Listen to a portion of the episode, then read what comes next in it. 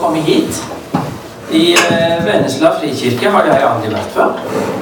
Så det var jo eh, kanskje på tide eh, å få en anledning til å komme hit.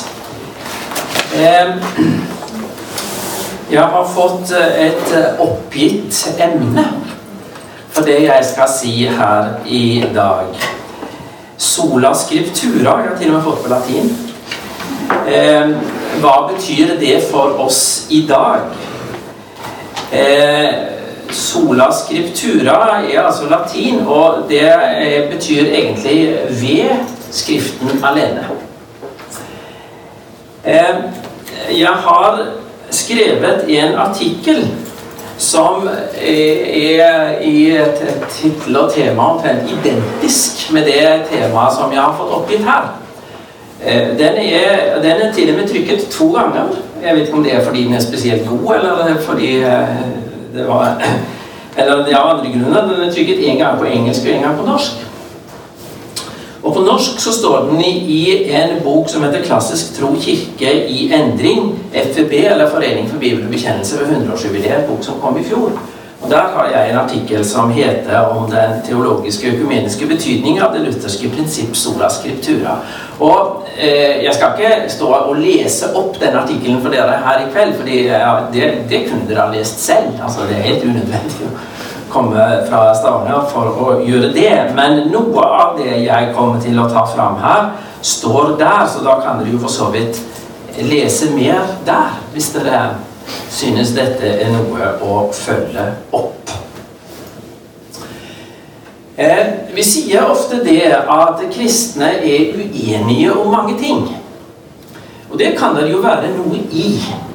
Men eh, jeg syns jo ofte, når en ser på kristenheten sånn i stort og vidt utover både kirkelandskapet, sånn geografisk og, og konfesjonelt, så er det jo egentlig også veldig mye vi er felles om.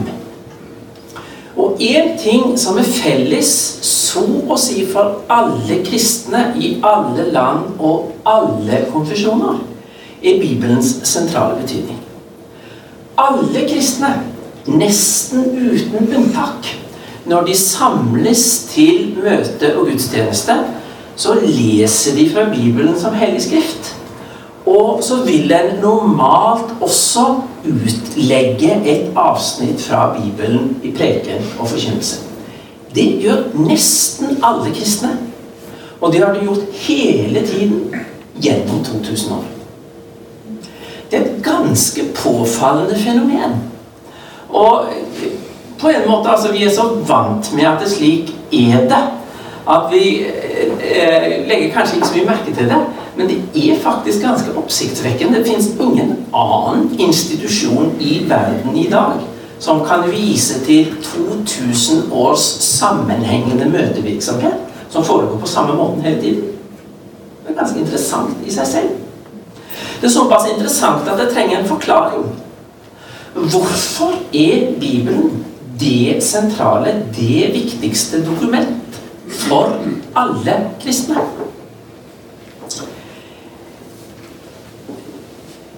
Hvis vi skal svare på det spørsmålet, så må vi gå til Bibelen selv. For det er egentlig bare Bibelen som kan begrunne sin egen betydning. Men vi må dele svaret i to. Fordi vi må tilbake til de første kristne. Men de første kristne de hadde jo ikke den Bibelen som vi har. De hadde den Bibelen som vi kaller Det gamle testamentet. Den forelå som en ferdig skrift på Jesu tid for de første kristne. Eh, kanskje ikke akkurat sånn som vi har den, men i det alt vesentlige. Alle vesentlige skriftene av det vi har i Det gamle testamentet, eh, var i de første kristnes bibel. Men selvsagt ikke det nye, for det var ikke skrevet da. Hvorfor er den delen av Bibelen som vi kaller Det gamle testamentet, viktig for alle kristne? Jo, det enkleste svaret på det spørsmålet er at den er viktig for alle kristne fordi den var viktig for Jesus. Jesus leste Bibelen som hellig skrift. Og utladen i sin forkynnelse. Og det har fulgt den kristne kirke siden. Jeg skal slå opp noen få steder i Bibelen som der vi har noen avsnitt som er veldig sentrale for å få tak i hvordan Jesus så på Det gamle testamentet. Og en, et, et, et, et, veldig interessant sted å begynne da er på den samtalen som Jesus hadde med de disiplene som vi kaller for Emmaus-vandrerne på påskedag. Dere husker den fortellingen? som er Lukasevangeliet kapittel 24. Eh, det var to disiplene, ikke eh, av de tolv, men to andre, som var på vei vestover fra Jerusalem til en liten by som het Emmaus. Så kom det en mann og gikk sammen med dem. Og tilsynelatende så hadde ikke han hørt om dette som hadde skjedd i, i, i Jerusalem med Jesu død. Og nå var det begynt å gå noen rykter om oppstandelse, så disse disiplene var forvirret og skjønte absolutt ingenting. Og så står det om den mannen som gikk sammen med dem, som det jo da etterpå oppdaget var Jesus. Eh, at han begynte å holde bibeltime for dem. Og det var en ganske interessant bibeltime. Og den er kort og knapt referert hos Lukas. Jeg har ofte syntes at det referatet er litt for kort. Jeg ville hatt litt mer av den bibeltimen. Men, jeg, men, det er ganske interessant referat vi har. Lukas kapittel 24 fra vers 25. Da sa han til dem, så uforstandige dere er, og så trege til å tro alt det profeten har sagt. Måtte ikke Messias lide dette, og så gå inn til sin herlighet? Og han begynte å utlegge for dem det som står om ham i alle skriftene, helt fra Moses av og hos alle profetene. Her nevner Lukas de tre delene som Det gamle testamentet etter jødisk oppfatning består av. og Jødene tenker slik fremdeles. Det består av Moses, som er loven, altså de fem Mosebøkene profetene, som omfatter mer enn det som vi kaller for profetskrifter. Det omfatter også det som vi kaller for historiske bøker. Eh, altså eh, Josva, Damene, eh, Ruth, eh, Salmsbøkene og kongebøkene. Det er profeten og skriftene alt det andre. Det, det, er de tre delene. Og Jesus han har tatt for seg sentrale tekster i alle disse tre delene. Og så har han forklart at det som står her, er at Messias han skulle lide og dø, og så skulle han stå opp igjen fra de døde. Det er dette Det gamle testamentet handler om. Og Jesus gjentok i kortform det samme poenget litt senere samme dagen. Eh, da han eh, viste seg for de disiplene som, som var samlet i Jerusalem. står det i vers 44 i det samme i det samme kapitlet. Da Jesus, eh, da Jesus kommer tilbake til Jerusalem, han viste seg for, for, for, eh, for disiplene som, som, sitter i Jerusalem, og så sier han til de det var dette jeg talte om da jeg ennå var sammen med dere og sa at alt måtte oppfylles som står skrevet om meg i Moseloven, hos profetene og i salmene. Her går han sammen, den samme tredelingen. Salmene er den sentrale boken i, i, i, den siste tredelen. Altså, Det gamle testamentet, sier Jesus, det er en sentral og viktig bok fordi den handler om meg. Det er det sentrale i Det gamle testamentet. Og vi har et interessant, eh, eh, interessant referanse til det samme i Johannes evangeliet kapittel 5, vers 39 der Jesus er i samtale med jødene. Og eh, han gjentar for så vidt det samme poenget i, eh, i den samtalen, Johannes kapittel 5, vers 39. Dere gransker Skriftene, for dere mener at dere har evig liv i dem. Men det er de som vitner om meg. Eh, I dette så ligger det jo selvsagt en understrekning av Det gamle testamentets sentrale betydning. Men det ligger også en, en lesenøkkel for Det gamle testamentet. For det sentrale i Det gamle testamentet er ikke å gi en masse lovbud, selv om de er der. Og det sentrale i Det gamle testamentet er heller ikke å gi en fortelling om hvordan jødene hadde det i gamle dager, selv om vi kan lære om det også. Men det sentrale i Det gamle testamentet, slik Jesus vil lære disiplene å lese det, det er, dette handler om meg. Dette handler om Messias. Dette handler om at Gud skulle sende en frelser som skulle frelse sitt folk fra deres synder. Og han måtte lide og dø og stå opp igjen fra de døde. Dette står det om i Det gamle testamentet. Og når dette skjer for deres øyne, så ser dere at dette eh, blir bekreftet. Eh, og jeg sa det at vi Jeg skulle gjerne hatt litt mer av denne bibeltimen som, som eh, som Jesus holdt for, for Emmausvandrerne. Eh, referatet i Lukas 24 er litt knapt.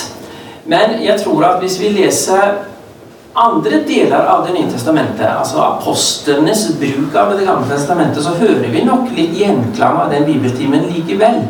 For hvis vi leser apostlenes forkynnelse f.eks. For i apostelgjerningene, så ser vi at det er akkurat slik de bruker Det gamle testamentet. De leser i Det gamle testamentet, og så henter de fram fra Det gamle testamentet budskapet om at Jesus er Messias. Dere kan lese, Jeg skal ikke gå gjennom det nå, men dere kan lese Peters preken først pinsedag, apostelgjerningen kapittel 2. Det er akkurat det han sier. Han går gjennom Det gamle testamentet, og, og, og så peker han på at den som dere har korsfestet, han, han, levde faktisk i samsvar med det mønsteret vi finner i Det gamle testamentet. Altså er det han som må være eh, Messias. Så vi har ikke referatet av eh, Jesu bibeltime, men vi hører nok gjenklangen av den i apostelgjerningene kapittel 2 og i andre deler av apostlenes forkynnelse i, eh, sånn som vi har i Det nye testamentet. Det var litt om betydningen av Det gamle testamentet. Hvorfor Det gamle testamentet er en hellig skrift for kristne. Det er det fordi det er Jesus som bruker det sånn. Og, og kristne har fulgt Jesu forbilde på det punktet. Men hva da med Det nye testamentet? Vi kan jo ikke liksom bare ha et hellig skrift, og så finner vi på noe sånn ekstra som vi vil legge til. Eh, fordi vi syns det passer.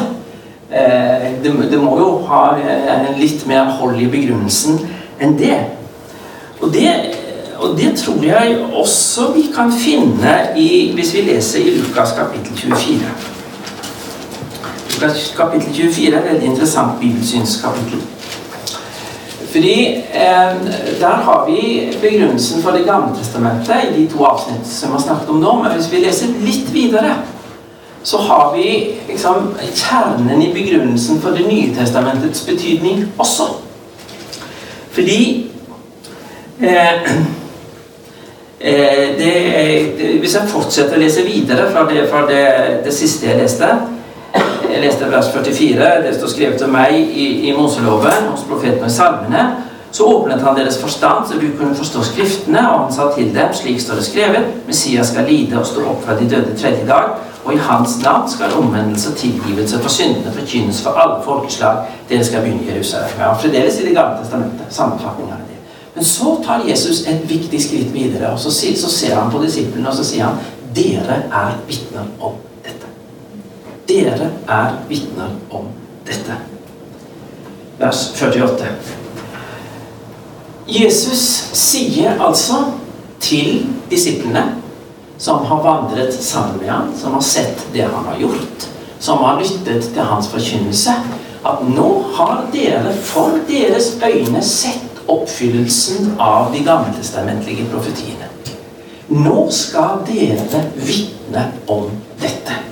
Nå sender jeg dere ut, det som står i, i, i, verset etterpå. Apostel, det betyr utsending. Nå sender jeg dere ut som vitner om at nå har det skjedd som Det gamle testamentet lover. Dere har selv sett det. Dere er vitner. På den måten ble, første, ble den kristne forkynnelsen til. Det var apostlene som på Jesu bud og befaling forkynte hva de hadde sett og hørt av Jesus. Som Og de gjorde det på grunnlag av den måten han hadde lært de å lese Det gamle testamentet. Eh, og det er dette vi har i Det nye testamentet. Det er apostlene, øyenvitnenes forkynnelse, utleggelse av det de har sett og hørt av Jesus eh, som oppfyllelse av Det gamle testamentet. Og derfor ser vi i Det nye testamentet ganske tydelige spor av at en oppfattet denne Jesus fullmakt av apostlene slik at nå må vi høre på dem. Nå må vi ta til oss det de sa, den måten som de utlegger det på. Fordi disse er øyenvitner, og de har Jesu egen fullmakt til å være de så å si de autoritative fortolkerne av det som har skjedd. Vi ser, vi ser mange spor av det i, i Det nye testamentet. Vi har f.eks. Eh, skildringen av den første kristne menigheten i Jerusalem. Apostelgjerningene kapittel 242 som i et kort referat av hva det de første kristne i Jerusalem gjorde når de møttes. Det er simpelthen et kort gudstjenestereferat. Apostelgjerningene kapittel 242.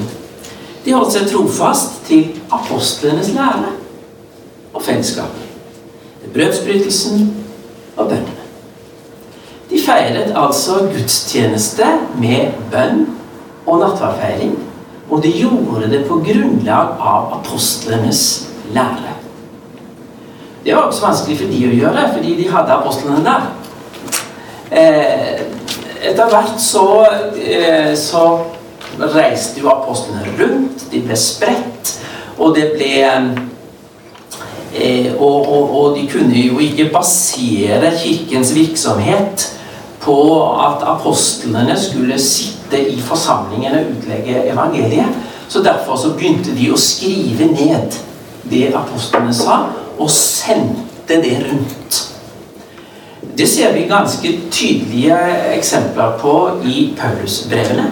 Altså, eh, det er eh, apostelutleggelse som ble sendt rundt og spredt og lest på en måte som som, som prekener, som gammelt forbilledlig utleggelse av Skriftene i Det gamle testamentet, som en kunne bruke når apostelen selv ikke var til stede.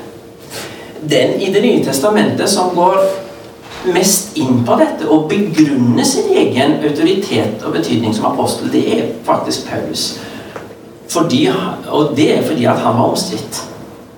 Altså de, de andre, de var, Alle de andre apostlene de var til stede i Jerusalem på påskedag da Jesus ga sin fullmakt. Det var på en måte opplagt. Eh, Paulus kom liksom inn bakveien. Fordi eh, han var jo en forfølger som ble kalt da han møtte Jesus ved Damaskus. Eh, og så fikk han apostelkall eh, på linje med de andre, men det var ikke alle som godtok. og Derfor så må Paulus forsvare det, særlig de første kapitlene i Galaterbrevet så går Paulus en del inn på dette her. Men, jeg, men han ble jo etter hvert godkjent. På den måten så fikk vi de to delene av Bibelen som vi har. Det gamle testamentet var der fra starten av og direkte på Jesu fullmakt og autoritet brukt som hellig skrift av de kristne. Og så var det apostlene som var nøkkelen til hvordan eh, Det gamle testamentet skulle forstås. For de hadde sett og hørt Jesus, eh, og på hans fullmakt. Det gjaldt også Paulus. Paulus legger også vekt på at han er kalt av Jesus selv via Damaskus-opplevelsen til å være apostelen. Kalt av Jesus selv til å fortelle eh, hvordan dette skal fortolkes eh, og forstås. Eh, på den måten så ble Det nye testamentet samlet. det var to kriterier en brukte for å kunne akseptere nytestamentlige skrifter som apostoliske. De måtte være skrevet av en apostel eller en som var en nær medarbeider av en apostel. Det er alle skrifter i Det nye testamentet som er skrevet av apostler. Markusevangeliet er det ikke. Lukasevangeliet er det ikke. Eh, men både Lukas og Markus var nære medarbeidere av apostlene og, og, og skrev ned det de sa, så de ble på en måte akseptert med et sånn litt sånn utvidet begrep. Det måtte stamme derfra, og så måtte det stemme innholdsmessig overens med de hovedskriftene som ble anerkjent veldig tidlig. På den måten så fikk vi det som vi har som Det, som, som det nye testamentet. Til å begynne med så var de nok litt tilbakeholdne med å lese Det nye testamentet som hellig skrift på linje med Det gamle testamentet, som Jesus selv hadde brukt, og som de var vant med å bruke som hellig skrift. For det leste de i synagogen som hellig skrift. Altså Alle fromme jøder så den tiden på Det gamle testamentet som hellig skrift. Men, eh, men det å oppfatte de nytestamentlige skriftene på linje med de gammeltestamentlige, det, det satt faktisk litt langt inne. Eh, det er jo ikke sånn at vi liksom bare tar et hellig skrift, og så legger vi til noe. Eh, men eh, så, så, derfor så brukte de nok først brevene, som er de eldste delene av Det nye testamentet, rett og slett som prekener. De leste de som gammeltestamentlig utleggelse. Men etter hvert så begynte de også å få status som hellig tekst. Eh, blant annet deler av det første nattverdinnstiftelsen, f.eks. Altså, de kristne feiret nattverd når de møttes til gudstjeneste hver søndag. Da var det jo Jesu innstiftelsen av nattverden, altså en del av evangeliet, som var en hellig tekst for nattverdhandlingen i gudstjenesten. Og på den måten så fikk evangeliene først, og så også de andre apostelskriftene status som, som hellig skrift. Hvor en får den sammenfatningen av Bibelen som vi har i Efeserbrevet kapittel 2, vers 20. Det er bygd opp på apostlenes og profetenes grunnvoll, med Kristus Jesus selv som hjørnestein. Apostlene og profetenes grunnvoll, det er det nye gamle testamentet. Det er eh, grunnvollen. Og så er det Jesus Kristus som er hjørnesteinen. Eh, vet dere hva en hjørnestein er for noe? Det er den steinen i hjørnet, i hjørnet som holder veggene sammen. Altså det, det er det som binder byggverket. Hvis ikke du har hjørnestein som binder byggverket, så faller veggene fra hverandre. Eh, så Jesus er altså det, det element som holder veggene, Det gamle og Det nye testamentet, sammen til en enhetlig bygning. Eh,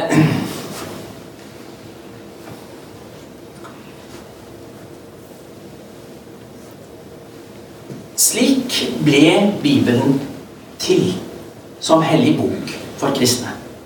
Det er Jesus forbilde og på Jesu autoritet. Eh, Bibelen har et bestemt budskap. Den, det er en bok som består av mange deler, og vi kan finne ut så mangt i Bibelen. Bibelen kan leses som kilde for mange ting. Historiske forhold, litteraturhistorisk utvikling, språkhistorisk utvikling. Men det er ikke med det formål den er samlet. Den er samlet for å gi oss budskapet om Jesu fullførte frelsesverk. Derfor er det en veldig nær sammenheng mellom Bibelens tilblivelse som skriftsamling og Bibelens innhold. For Bibelen er samlet i den form vi har den med en bestemt hensikt. Nemlig å gi oss budskapet om et fullført frelsesverk. Derfor så, Og det er et budskap som vi aldri kan gi oss selv. Det må alltid komme til oss utenfra. Det, eh, og det henger sammen med at evangeliet er et budskap om benådning i kraft av noe som er gjort av en annen. Derfor så må det alltid fortelles oss. Det kommer utenfra til oss som noe nytt. Guds tale til oss om at vi er frikjent og frigjort. Frelsesverket er fullbrakt. Det er ikke mer å føye til. Dette budskapet må vi få. Vi må få det utenfra. Og Derfor trenger vi Bibelen som en avgrenset autoritet som forkynner oss dette budskapet. For hvis ikke vi har en autorisert kildesamling som gir oss dette, så vil budskapet komme til å bli en form for selvbekreftelse. Da, og da blir det et budskap om at vi er frelst fordi vi er gode nok. Det er ikke det som er det bibelske budskap. Det bibelske budskap er at vi er frelst i kraft av det Jesus gjorde for oss, som oppfyllelsen av de gammeltestamentlige løftene. Og derfor må dette komme til oss utenfra. Samtidig så innebærer dette at vi i en viss forstand finner oss selv i bibelhistorien. Fordi bibelfortellingen handler om oss. Den er Guds budskap til oss om et fullført frelsesverk som vi er inkludert i. Bibelen handler ikke primært om noe som skjedde. Selv om den også handler om det. Men Bibelen handler primært om noe som skjer. Nemlig det at vi inkluderes i Guds nåderike. Her og nå. Når evangeliet forkynnes for oss. Eh, referansen for bibelteksten er nåtidig. Dette er et budskap om oss. Paulus sier det når han forklarer Det gamle testamentet. Vi har en interessant, interessant eksempel på det i 1. Korinterbrev kapittel 10. For Da skriver Paulus om, om fortellingen fra, eh, fra Mosebøkene om uttoget fra Egypt. Og Det er jo en interessant fortelling, og vi kan liksom gruble og granske på hva som skjedde. Men men så sier Paulus at disse hendelsene vers 6, disse hendelsene er advarende eksempler for oss. De skal lære oss ikke å ha lyst til det onde, slik de hadde.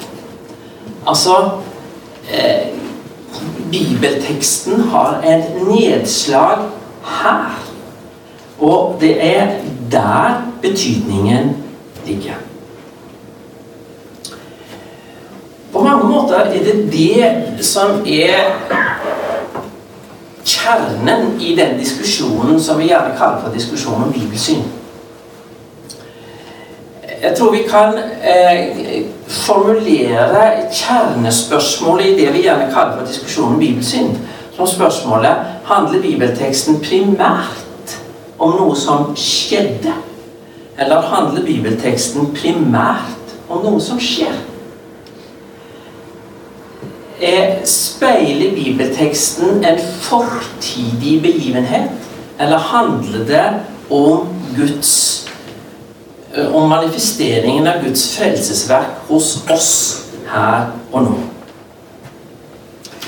Problemet hvis vi leser Bibelen primært som en fortelling av noe som skjedde, er at vi må selv hente Guds nærvær fra fortiden og inn i vår tid. Vi må på en måte jobbe evangeliet inn i vår tid. Men Og da blir evangeliet, det bibelske budskap, forstått som en aktuell tilsigelse. Dette er gyldig for dere her og nå. Da blir det borte. Og vi havner i en form for selvrettferdiggjørelse. Vi kan gjerne si at det er eh, forståelsen av prekenen, som er bibelsynets testspørsmål. Prekenen skal utlegge Guds ord slik at det blir virkelighet for oss her og nå. Vi har Gjennom Kirkens historie så har det skjedd noen ganger at en har av forskjellige grunner kommet til å tenke at Bibelen primært er en bok som handler om fortiden. Første gangen det skjedde, var i senmiddelalderen. Da en fikk en forståelse av at bibeltekstens referanse var til fortiden, og så måtte en liksom jobbe dette inn i sin egen tid med egne kreative teologiske konstruksjoner. Den lutherske reformasjonen er en protest mot den måten å tenke om Bibelen på. Kjernen i Luthers reformatoriske forståelse av Bibelen er forståelsen av bibelteksten som noe som gjelder meg nå. Det ser vi veldig fort hvis vi, eh, eh, hvis vi tar fram en av de mest kjente fortellingene Luther selv som har gitt oss den fortellingen om det som vi kaller for hans reformatoriske oppdagelse. Eh, da Luther var en gammel mann eh, Han var omtrent så gammel som jeg er nå. Men han følte seg, tror jeg, mye eldre enn det jeg føler meg, for han ventet at nå hadde han ikke så lenge igjen. Jeg er ikke kommet liksom helt dit ennå. Da var det noen som hadde den lure idé at de ville utgi hans samlede skrifter. Han hadde jo skrevet så mangt, og det kunne jo være interesse for ettertiden å lese hva denne store doktor Martin hadde, hadde skrevet. Og det syntes Luther ikke var en god idé. Det er så mange eh, det er så mange andre som har skrevet så mye bedre, og dessuten så er det jo Bibelen som er det viktigste. Så dere skal ikke dille fram mine skrifter. Jo, sa de, vi vil utgi dine skrifter, og dette skal du samarbeide med. Eh, for ellers så, vil vi, eh, ellers så gir vi da bare dette ut etter at du er død likevel, og da har du ingen styring med det. Da blir det bare rot. Så du får hjelpe oss litt med denne utgivelsen, så blir det litt orden på det. Ja vel, da, sa. Og så skrev han en, liksom, en sånn lesehjelp der han forklarte litt om hva som var bakgrunnen til de tidlige skriftene sine.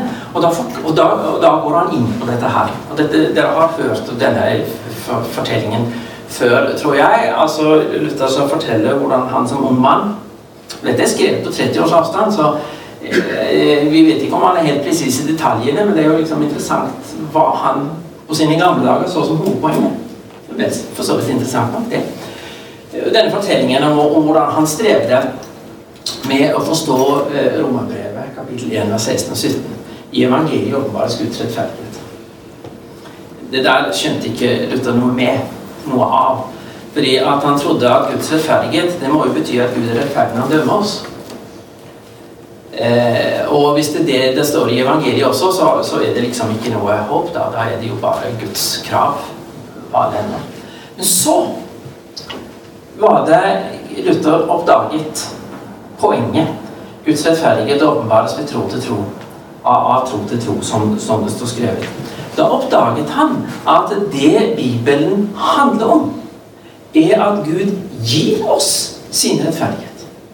Så gjennom bibelteksten som middel så blir Guds rettferdighet en nærværende realitet hos oss. Som vi inkluderes i, og som vi får del i. Det er det som skjer når Bibelen leses og utlegges da blir Guds rettferdighet og Guds andre egenskaper, hans makt, barmhjertighet, nåde, kjærlighet, den blir en nærværende realitet som vi inkluderes i, og som vi får del i. Dette skjer gjennom, eh, gjennom eh, Bibelens forkynnelse. Og Det er det som er kjernen i, i Luthers reformatoriske virke. Å få formidlet dette. At gjennom bibelordets bruk så blir Guds nåde, kjærlighet og barmhjertighet en nærværende og aktuell størrelse hos oss. Et annet uttrykk som Luther bruker om dette, er, er, er eh, Skriftens klarhet. Og Skriftens klarhet er Skriftens lyskraft. Altså den opplysning den gir oss i vårt hjerte, sånn at vi forstår hva dette handler om. Den opplevelsen som Emmaus-vandrerne hadde med Jesu bibeltime, da de plutselig gikk opp for dem hva Det gamle testamentet som de hadde lest fra de var små. Plutselig så gikk det opp for dem hva dette handler om. Dette handler om at Gud nå iblant oss har fullført sitt frelsesverk. Og dermed så er vi inkludert, alle sammen. Det er dette det handler om. Det inkluderer oss. Det opplyser oss. Eh, dette poenget med at Bibelen i bruk eh, Bibelen i bruk handler om oss her og nå det er et poeng som Ja, det har hendt flere ganger gjennom, gjennom Kirkens historie at dette poenget er blitt uklart. Og han begynte å lese Bibelen primært som en historiebok. Eh, eh, og så må vi bygge bro fra denne fortiden til nåtiden. Den må vi prøve å lage selv. Men sånne selvkonstruerte broer har lite bærekraft. Og de blir heller aldri tydelig evangelieforkynnelse. Fordi de broene vi skal begynne å konstruere selv, de vil alltid handle om det som vi har gjort, og det som vi skal få til. Dersom evangeliet skal være et tydelig budskap om Guds benådning, så, så må vi forstå bibelteksten slik at den, det, det, det er Guds rettferdighet som gjennom Bibelen i bruk slår ned i oss her og nå. Det er tilsigelsen av syndenes forlatelse. Evangeliet, fortellingen, handler om oss. Vi er selv i denne fortellingen, og dermed er det vi som er omsluttet av tilsigelsen av Guds ubetingede, frelsende nærvær. Jesus holdt selv en preken en gang der han gjorde dette poenget veldig tydelig, syns jeg. Den holdt han i eh, synagogen i Nasaret. Eh, og det er, eh, det er en interessant preken. Der, der, har vi et lite referat av prekenen. Det består bare, bare av ett vers. Vi kunne godt hatt litt mer der også, men vi, men vi får liksom hovedpoenget. Eh, og, og, det er godt nok, for der viser Jesus oss hvordan Bibelen skal brukes. Han viser oss hva en rett kristen preken er for noe. Han eh, eh, reiste seg for å, for å, lese og for å preke. Vi er altså i synagogen i Nazaret. Dette er fortalt i Lukasevangeliet kapittel 4. Og så eh, åpnet han bokrullen, og så begynte han å lese et avsnitt fra Jesaja kapittel 61. Herrens ånd er over meg, for han har salvet meg til å forkynne et godt budskap for fattige. Han har sendt meg for å rope ut at fanger skal få frihet, og blinde få syn igjen, for å sette undertrykte fri og rope ut et nådens år fra Herren. Så rullet han bokrullen sammen, står det, og så begynte han å holde en preken.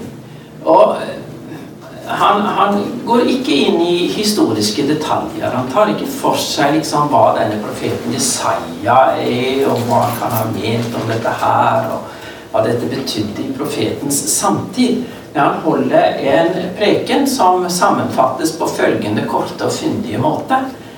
I dag er dette skriftordet blitt oppfylt mens dere hørte på.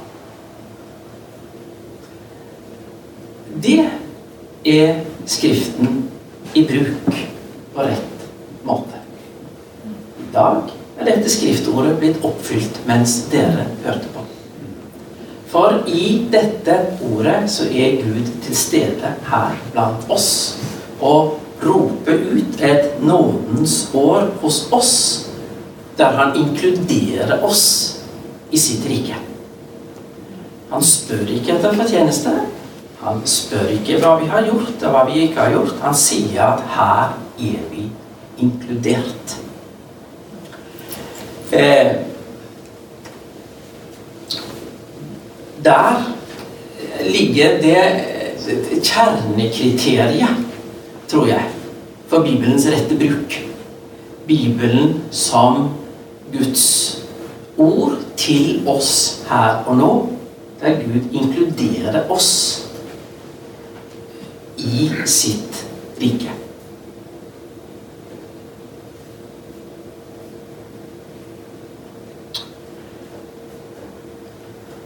Tror jeg stopper der, jeg. Så eh, kan dere heller stille noen spørsmål etter hvert.